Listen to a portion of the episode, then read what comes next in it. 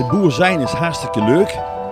Totdat je de krant leest, totdat je de radio aanzet. Want dan krijg je steeds te horen en dan lees je steeds dat wij het helemaal verkeerd doen. Het is dus niet genoeg. Ja, is het dan ooit genoeg? Wanneer houdt dit op? Hè? Wanneer is het klaar? Dit is In Alle Staten, een podcast van Hart van Nederland over de belangrijkste thema's rond de provinciale statenverkiezingen. In deze miniserie kijk ik, Nicky Her, presentator en verslaggever bij Hart van Nederland, wat er te kiezen valt bij de provinciale statenverkiezingen. Traditioneel niet de meest sexy verkiezingen, maar wel heel erg belangrijk. Juist nu, bij mij in de studio Merel Eck, onze politiek duider. We behandelen verschillende thema's en we beginnen met stikstof. Het houdt ons land al bijna vier jaar in zijn greep. Is het ook een typisch provinciaal thema, vind jij? Ja, dat, dat wordt het uh, wel, zeker. Ze gaan heel veel, uh, heel veel vingers in de pap hebben de komende tijd op dit thema. En is het een thema dat ook voor veel kiezers speelt? Nou, volgens ons panel valt het wel mee. 7% die zei ermee bezig te zijn. Um, maar het is wel een onderdeel van het grotere probleem. En de reden dat mensen gaan stemmen, die gaan het als proteststem gebruiken. Deze provinciale statenverkiezingen. De helft zegt dat te gaan doen.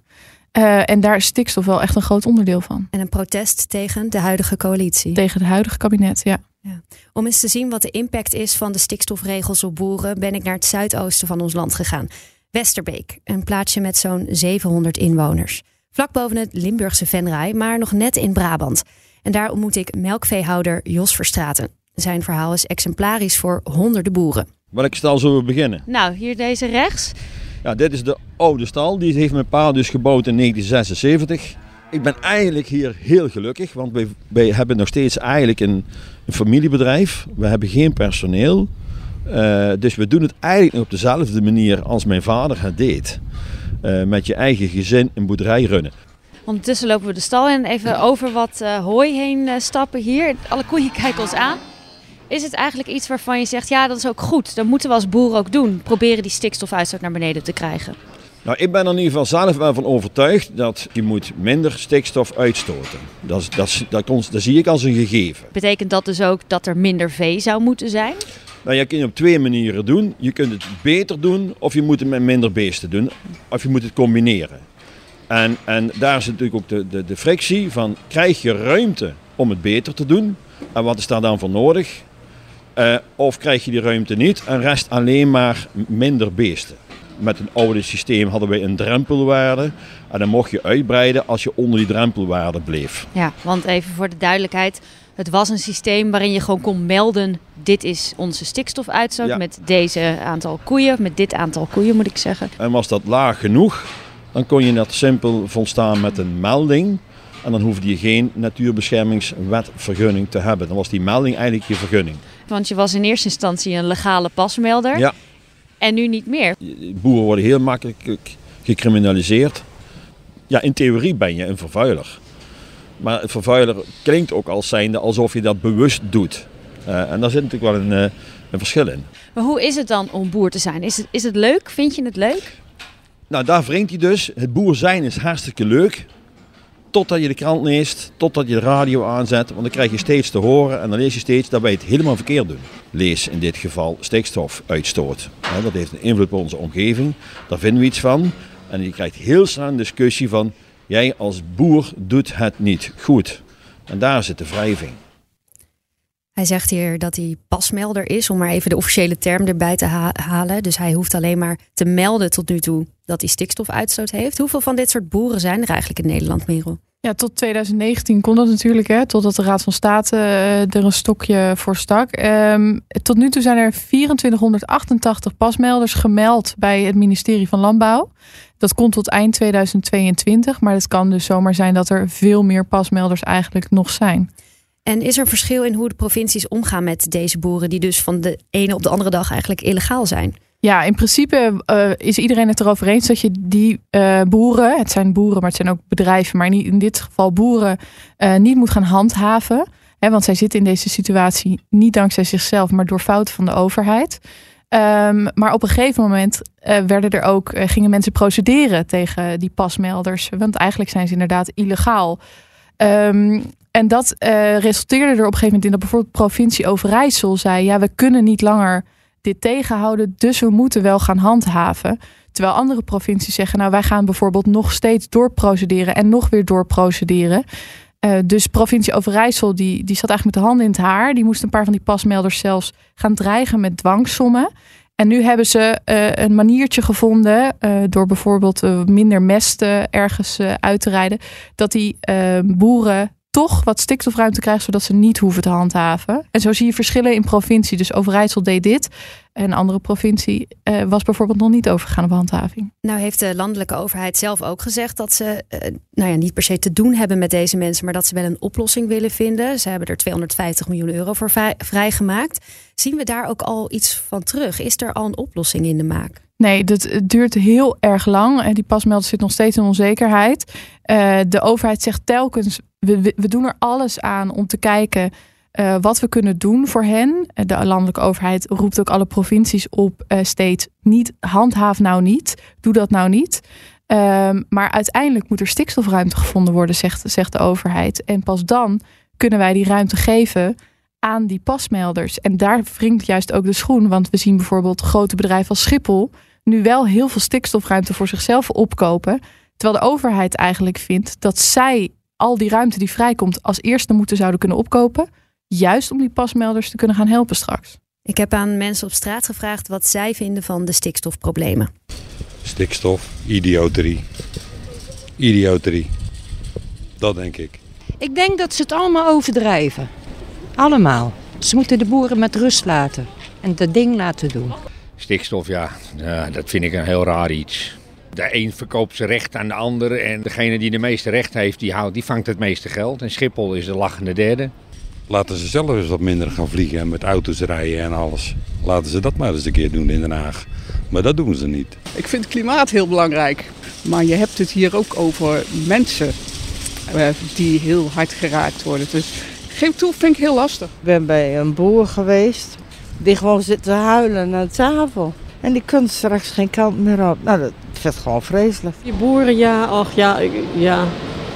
Dat is heel lastig, hè. Het is heel moeilijk. Die hoeven van mij niet weg, maar ja, er moet wel een oplossing voor worden gevonden, dat wel. De boeren hebben eigenlijk in mijn ogen niet zoveel te zeggen. Je moet eraan voldoen, of anders dan uh, is het einde uh, boerderij. Ja, we zien dat dit ook past bij de uitkomst van ons onderzoek. Want we vroegen bijna 3000 mensen of zij vinden dat de overheid goed omgaat met boeren. En maar liefst drie op de vier vindt van niet. Wordt de coalitie daarop afgerekend, denk jij? Uh, dat denk ik wel, want je ziet ook in de peilingen nu natuurlijk dat uh, BBB, Boerenburgerbeweging, uh, heel groot wordt. Die komt in één keer, als de peilingen mogen geloven, straks met acht zetels in de Eerste Kamer. Die kan in, in sommige provincies wel eens de grootste worden.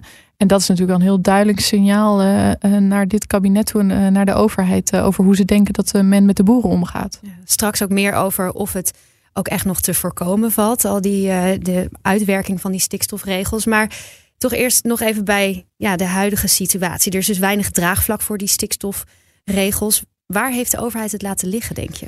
Ja, dit is iets wat al heel lang speelt. Het is niet iets van de afgelopen vier jaar, maar al decennia lang is dit een vraagstuk, die stikstof. En elke keer kwamen er nieuwe regels. Elke keer probeerde de Nederlandse overheid uh, de boeren tegemoet te komen, geitenpaadjes te vinden. Waardoor de boeren ook steeds met nieuwe regels te maken kregen of met nieuwe oplossingen, waar ze zich dan weer in vastbeten. En ook heel veel investeringen hebben gedaan, bijvoorbeeld in emissie-arme uh, vloeren bijvoorbeeld. Uh, het, wat uiteindelijk stikstofvloeren, wat uiteindelijk dan weer minder bleek te werken. En dan nu weer nieuwe regels. Dat is heel vermoeiend voor, voor boeren die zich continu proberen uh, te wurmen in die regels van zowel uit Brussel als uit, als uit Nederland. En wat ook uh, uh, niet slim is geweest, denk ik, is dat de doelen voor de boeren als eerst zijn gepresenteerd. De, de, boer is eigenlijk een soort kop van jut gemaakt door het kabinet. Door eerst te zeggen dat zij 41% stikstofuitstoot moeten reduceren. Terwijl de industrie en de mobiliteit uiteindelijk straks ook nog erachteraan moeten komen. En dat hoor je ook wel heel vaak als je met boeren spreekt. hele redelijke mensen die zeggen: Ik heb me altijd gehouden aan regels. En ik heb me in allerlei bochten moeten wringen. En dan nu dit weer. En dan ook nog eens de boer, hè, dat hoorden we Jos volgens mij ook nog zeggen, wordt gecriminaliseerd. We doen het altijd fout, krijgen we maar te horen. En dan de industrie en de mobiliteit, die worden nog niet eens meegenomen hierin. Dus ja, dat, dat, is wel, dat zijn dingen waar het uh, kabinet het wel echt heeft laten liggen. Ik heb Jos Verstraten ook gevraagd hoe die impact voor hem is. Wat het voor hem heeft betekend dat bijna vier jaar geleden de Raad van State de vloer aanveegde met dat Nederlandse stikstofbeleid. En dit is wat hij daarover zei. Zal ik even een bakje koffie zetten? Graag. In wat voor situatie zit je nu? Hoe zou je het omschrijven? Als boer zeg ik op dit moment uh, gelaten. Kijken wat er gebeurt. Al vier heel, jaar lang? Heel, heel passief eigenlijk. En is dat dan al vier jaar lang? Bijna vier jaar? Uh, ja, in het begin, in het begin zit je dus sowieso iedereen te wachten. Wat gaat er nu gebeuren? Hè? Heel veel acties uh, zijn er gevoerd. Dan zit je te kijken als boer van... Ja, wat betekent er nu? Wat gebeurt er nu? Nou, eerst moet die, die, die woede eruit, die frustratie moet eruit. Hoe uh, gaat dat? Woede en frustratie eruit? Ja, dat gaat in de zin van uh, meedoen met trekkeracties. Ik ben zelf één keer mee geweest. Gesprek aan de keukentafel. Uh, gevoel van onmacht, dat soort dingen. Op je eigen bedrijf probeer ik dat eigenlijk continu eigenlijk uit te schakelen. Maar dat lukt niet altijd. Wat doet die onzekerheid dan met je? Enerzijds is hij demotiverend. Anderzijds wordt hij ook misbruikt, zie ik in het veld, om om eigenlijk als excuus van waarom zouden we dit allemaal dan nog gaan doen, want het helpt dan toch niet. Ik wil er niet verzuurd op terugkijken, maar wat je nu wel ziet, zeker bij mijn generatie boeren, die dus heel hun leven naast boer zijn te maken hebben gehad met wetgeving die uh, beperkingen oplegde op de manier zoals wij boerden, om het milieu beter te beschermen, heb je nu wel het gevoel van, ja verdorie, uit de statistieken blijkt, we hebben 60% reductie hier, 60% reductie daar. Het is dus niet genoeg. Ja, is het maar ooit genoeg? Wanneer houdt dit op? Hè? Wanneer is het klaar? Als we dit nu gaan doen, wat er nu voor ligt met die 25 miljard, hebben we dan de natuur in Nederland dan wel in een positie gebracht van goede instandhouding? Als we dus 50% of, reductie hebben in 2030. Of hebben we straks een situatie van uh, dat we weer een aantal jaren verder zijn. We hebben weer wat vergunningen kunnen uitdelen hier en daar. En uh, Nederland draait dan toch door. En komen we dan tot de conclusie, nee, het is, het is, toch niet genoeg. En komen we dan weer langs. En dat, dat, dat perspectief is niet een, uh, een aanlokkelijk perspectief. Dat is wat jij net ook zei, hè? dat die vraag is van, is het dan ooit genoeg? Ja, en, en dat is ook de vraag. De verwachting is wel dat hier veel ruimte mee wordt, wordt gewonnen. Uh, en dat uh, de natuur gaat herstellen. Dat is namelijk het, het, uiteindelijke doel van het kabinet. Natuur moet herstellen. En als dat in gang is gezet, uh, kun je weer eventueel gaan bouwen, et cetera. Um, maar dan blijft inderdaad de vraag: hoe lang is het dan genoeg? En, en tot wanneer is het dan weer, gaat het dan weer te ver? Dus ik, ik snap die vraag en die onzekerheid heel goed. Zeker als je al zo lang dus in die onzekerheid zit en al zo lang te maken krijgt met steeds weer veranderende wetgeving en regels. De zes op de tien mensen in ons onderzoek die vindt dat de overheid niet de juiste beslissingen neemt of de juiste maatregelen neemt om die stikstofuitstoot omlaag te krijgen. Wat zijn eigenlijk de doelen? Waar wordt nu op ingezet? Op dit moment wordt ingezet uh, op 50% stikstofreductie in 2030. De vraag is nu alweer, en dat is dus juist die hele onzekerheid, of het kabinet niet alweer dat doel heeft losgelaten. Want we lazen laatst ook iets over 42% reductie in 2030. Uh, dat was dan weer op basis van andere berekeningen. Dus het verandert ook nog wel eens. Het was eerst ook 2035. Dat staat nu nog altijd in de wet, 2035. Maar het kabinet wil dat dus vijf jaar vervroegen en naar 2030 uh, halen. Om uiteindelijk die natuur die nu leidt onder te veel stikstof uh, te gaan herstellen. En is het dan opgelost als bij wijze van spreken alle boeren stoppen? Uh, de, waarschijnlijk niet. Uh, er blijven altijd delen rood, zeggen experts. Maar de verwachting is dan wel dat je alsnog genoeg ruimte creëert op bepaalde plekken waar je dan bijvoorbeeld gaat bouwen. Er, er zijn ook mensen die zeggen, je ziet nu al bij, op, in bepaalde gebieden dat je gewoon wel kan bouwen, ondanks dat we zo'n stikstof probleem hebben. Dus ja. Heel veel onzekerheid dus. Ja, moeilijk. En iedere provincie pakt het ook nog eens anders aan. Want zo moeten boeren in Brabant volgend jaar al die speciale emissiearme vloer waar je het over had hebben. Terwijl de Raad van State laatst nog zei dat van twee types helemaal niet zeker is of die wel echt voor minder ammoniak zorgen. Je ruikt nu uh, de mengeling van kuilgras en mais. Vind je het lekker, dit, deze geur? Ja, ik, ik hou er wel van. ja, ja. Zo even naar buiten. Kijk, het zonnetje begint te schijnen op, het mooie, op jullie mooie erf. Het is niet echt een groot bedrijf, hè? Dat is puur perceptie. Wat is groot? Kijk, een Nederlands eh, bedrijf heeft gemiddeld ongeveer 110 koeien. Ja, we gaan linksom. Wij hebben er 150, dus dan ben je 50% groter dan het gemiddelde. En wat zie ik nou hier voor constructie? Want er gaat een deurtje kijkt- open. Dan kijkt ineens een hier, koe eh, mij aan. Je kijkt hier nu naar onze eh, automatische melkmachine, ook wel melkrobot genoemd. Dus wij hoeven onze koeien niet meer zelf handmatig te melken. Wat wij ook in deze stallen hebben gedaan is dat onze koeien lopen niet meer op een betonnen vloer, maar alles is bedekt met rubber. En dan kom je bij het- de, de vloerdiscussie. Deze vloer is dus wel diervriendelijk, maar hij is niet ammoniakvriendelijk. Kijk.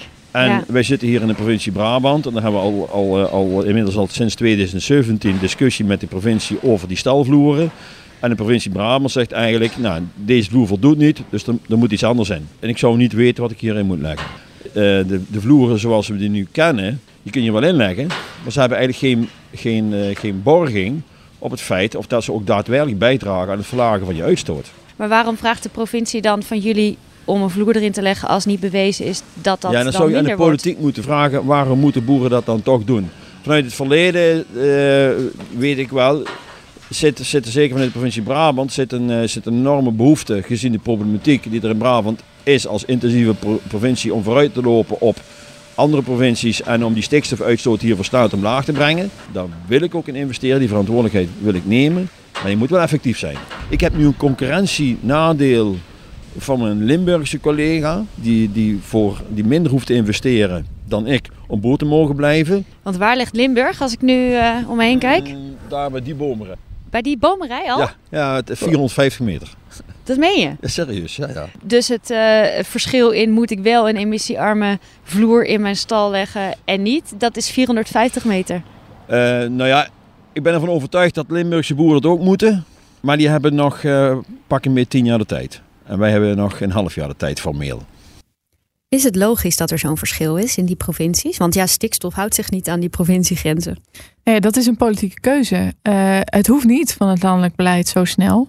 Eh, maar maar Noord-Brabant kiest ervoor om dat dus wel te doen, het bestuur van de provincie. En eh, daarmee zie je denk ik maar weer dat een eh, stem, provinciale staten, de verkiezingen er wel degelijk toe doen. Als jij bijvoorbeeld wil dat het wel sneller gaat, dan weet je bij welke partij je moet zijn. En als je wil dat het niet sneller gaat, of zelfs dat mensen zich verzetten tegen de landelijke stikstofplannen, dan kun je daar je stem op uitbrengen. Want hoe staan de politieke partijen hierin op provinciaal niveau? Dan denk ik bijvoorbeeld aan coalitiepartijen als VVD en CDA. Nou, dat is dus heel interessant, want eh, landelijk zitten die in een coalitie in, het kabinet, waar het kabinet zegt: dit zijn de doelen, dit gaan we doen. En zo gaan we het doen.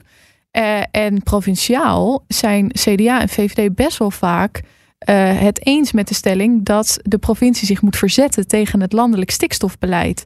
Zowel CDA als VVD komen daar heel vaak in terug, behalve in Noord-Brabant. Daar is de coalitie, hè, de ChristenUnie, D66 en CDA en VVD het erover eens dat ze zich niet moeten verzetten tegen de landelijke regels. Sterker, ze doen het nog sneller. Ze doen het nog sneller. Ehm, maar in de rest van de provincies valt dat dus heel erg op. eh, eh, dat, dat CDA en VVD zich wel eh, dreigt gaan verzetten tegen die stikstofregels. En denk je dat ze dat dan ook echt gaan doen? Of is dat om de achterban ook te pleasen met... nou, wij gaan ons wel met hand en tand verzetten? Wat een cynische benadering Nee, ik ben Nee, ja. oprecht benieuwd. Wat denk jij? Nou, eh, nee, ik, ik, eh, je gaat in een coalitie. Ook daar geldt, je gaat in een coalitie. Ehm, de vraag is of ze dat inderdaad wel vol kunnen houden. En hoe hun eigen landelijke partij er tegenaan kijkt. Dus ik denk dat het deels ook verkiezingsretoriek is, inderdaad, om, om eh, op, op een stelling zo, ja, heel cynisch misschien, maar op een stelling zo'n antwoord te geven. Als we naar de peilingen kijken, dan zien we dat BBB eh, nou ja, groot moet worden. Als het allemaal uitkomt, dat moeten we natuurlijk afwachten. En dat is natuurlijk niet voor niets. Zij zeggen zich zeker te gaan verzetten tegen die eh, stikstofregels. En er zijn veel mensen die denken dat die partij de stikstofplannen ook echt kan tegenhouden. Dat hoort ook melkveehouder Jos Verstraten in zijn omgeving. Ja, en ik zie ook heel veel boeren die hebben wel het, een gevoel bij eh, dat beleid zou kunnen kantelen. Eh, dat de wereld verandert eh, als wij anders gaan stemmen in Nederland. Nou, heel kort door de bocht gezegd, dan zeg ik, ja, dan moet je bijna uit de EU stappen. En dan is de vraag van, en eh, gaan we het dan in Nederland zoveel anders doen? Ja, het zijn Europese regels waar Ja. we aan moeten voldoen. Ja, maar uit de EU stappen is ook niet zomaar gebeurd. Nee, dat zie ik niet als realistisch. En ik wil heel graag dat, uh, dat, dat stukje legaal-illegaal achter me laten. Uh, de oproep aan de overheid is: uh, hou jezelf niet voor de gek. en laat je niet te veel leiden door je eigen politieke straatjes, maar denk aan het belang van burgers. En specifiek in ons geval de boeren onder de burgers. Klopt dat wat u zegt, dat we bijna uit de EU moeten als we andere regels willen in Nederland?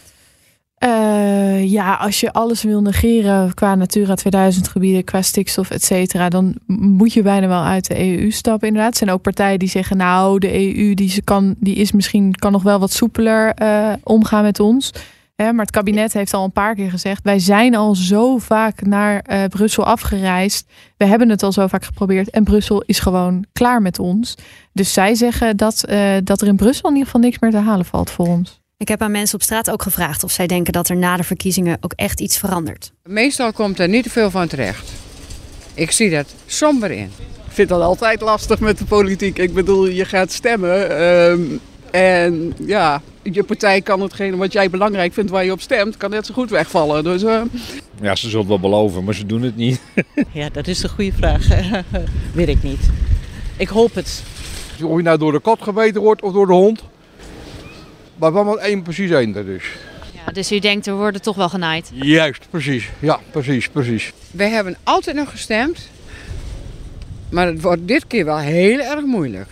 Heeft u er dan nog wel vertrouwen in, in, in hoe de democratie werkt in ons land? Helemaal niet. Eigenlijk. Jammer hè. Zo'n mooi land. Maar ik denk niet dat het echt meer werkt.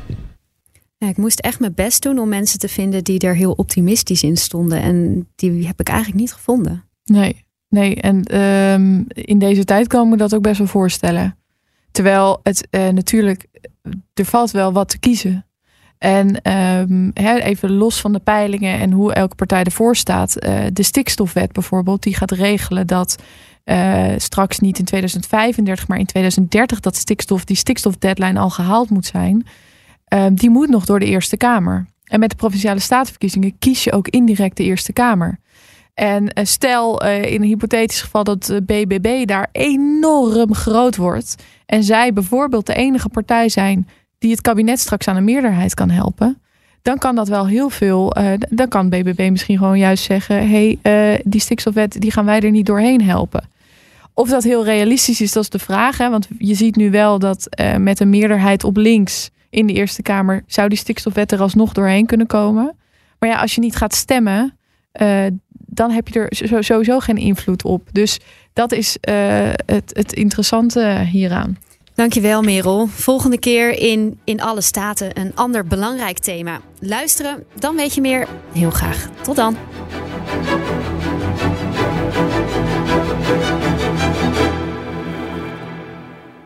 Dit was In Alle Staten, een podcast van Hart van Nederland. Presentatie door Nicky Her en Merel Eck.